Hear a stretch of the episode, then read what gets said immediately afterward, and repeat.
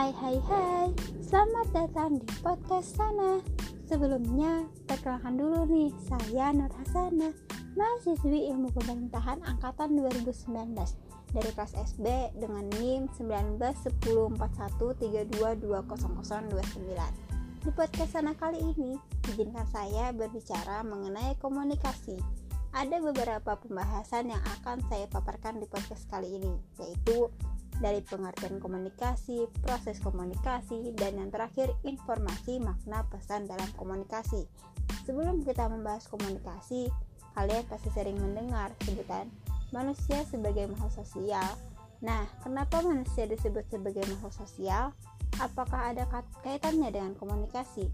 Oke, langsung saja. Manusia disebut sebagai makhluk sosial karena sudah menjadi kodratnya bahwa manusia akan selalu berhubungan dengan manusia lainnya, baik secara perseorangan maupun kelompok. Dalam sejarah, banyak mencatat bahwa tidak ada manusia yang ingin hidup menyendiri. Kalian pasti juga nggak mau kan hidup sendiri seperti hmm, jomblo contohnya.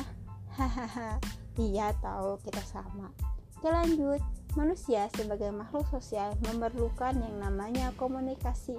Apa sih komunikasi itu? Kata atau istilah komunikasi dari bahasa Inggris communication berasal dari bahasa Latin communicatus yang artinya berbagi atau menjadi milik bersama. Selanjutnya, komunikasi juga berasal dari perkataan Latin communis, artinya membuat kebersamaan atau membangun kebersamaan antara dua orang atau lebih. Juga berasal dari akar kata bahasa Latin communico, artinya membagi. Hmm, kalian pasti ingin tahu proses dari komunikasi. Secara linear, proses komunikasi sedikitnya melibatkan empat elemen atau komponen sebagai berikut.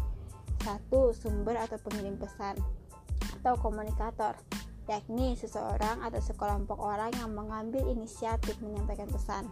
Dua, pesan berupa lambang atau tanda seperti kata-kata tertulis atau secara lisan, gambar atau angka. Tiga, saluran, yakni sesuatu yang dipakai sebagai alat penyampaian pesan, misalnya telepon, radio, surat, dan lain-lain. Empat, penerima atau komunikan, yakni seseorang atau sekelompok orang yang menjadi sasaran penerima pesan. Dalam komunikasi, pasti terkandung informasi makna dan pesan. Dengan kata lain, informasi itu adalah makna pesan. Jika dikatakan bahwa kata simbol dan isyarat tidak mengandung informasi jika tidak ditafsirkan oleh penerimanya, maka dapatlah dikatakan bahwa pesan tidaklah mempunyai arti apa pun jika tidak diberikan makna oleh komunikan.